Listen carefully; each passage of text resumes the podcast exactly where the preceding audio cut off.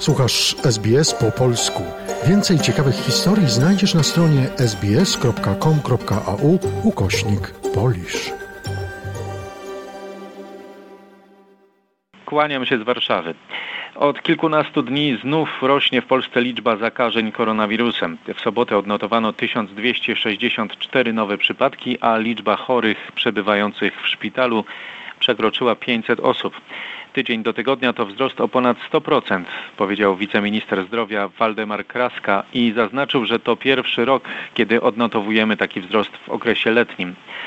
Mutacjami dominującymi w tej chwili są BA5 i BA4, które nie powodują aż tak dużych objawów klinicznych jak wcześniejsze mutacje koronawirusa. Programy na jesień, jak i na lato dotyczące zwalczania COVID-19 są przygotowane i spokojnie czekamy na rozwój sytuacji. We właściwym czasie te programy uruchomimy, zapewnił Kraska. Tymczasem eksperci ostrzegają, że w Polsce jest dużo więcej nowych przypadków koronawirusa niż pokazują to oficjalne statystyki, a po wakacjach czekają nas dwie nowe fale zakażeń.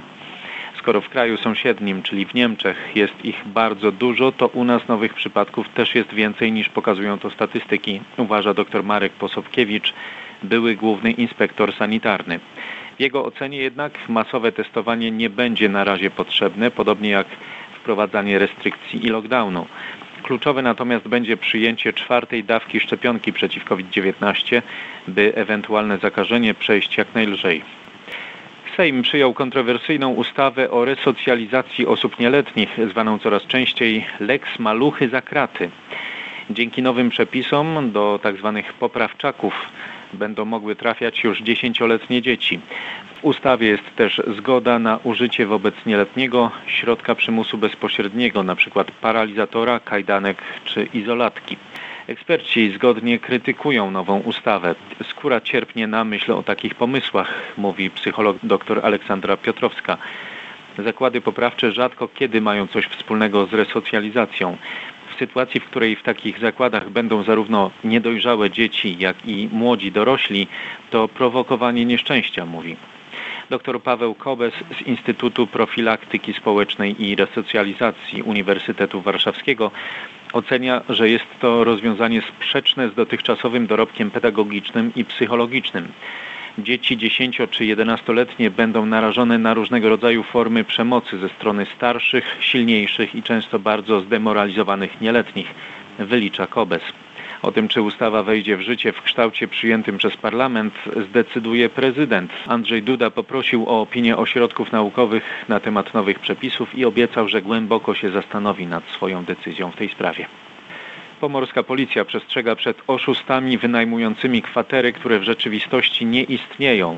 W ubiegłym tygodniu w ten sposób została oszukana na przykład mieszkanka województwa opolskiego, która chciała wynająć apartament w Sopocie. Kobieta wpłaciła zaliczkę 400 zł za apartament, a kiedy na dwa dni przed wyjazdem próbowała nawiązać kontakt z wynajmującym, telefon był już wyłączony, a ogłoszenie o wynajmie apartamentu zniknęło. Wówczas kobieta zorientowała się, że została oszukana.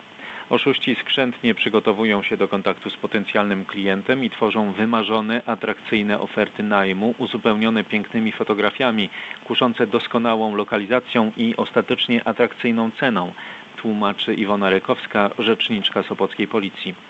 Policja apeluje o czujność, ponieważ ogłoszenia kwater widmo zdarzają się coraz częściej i zdarza się to właśnie najczęściej w okresie letnim i zimowym.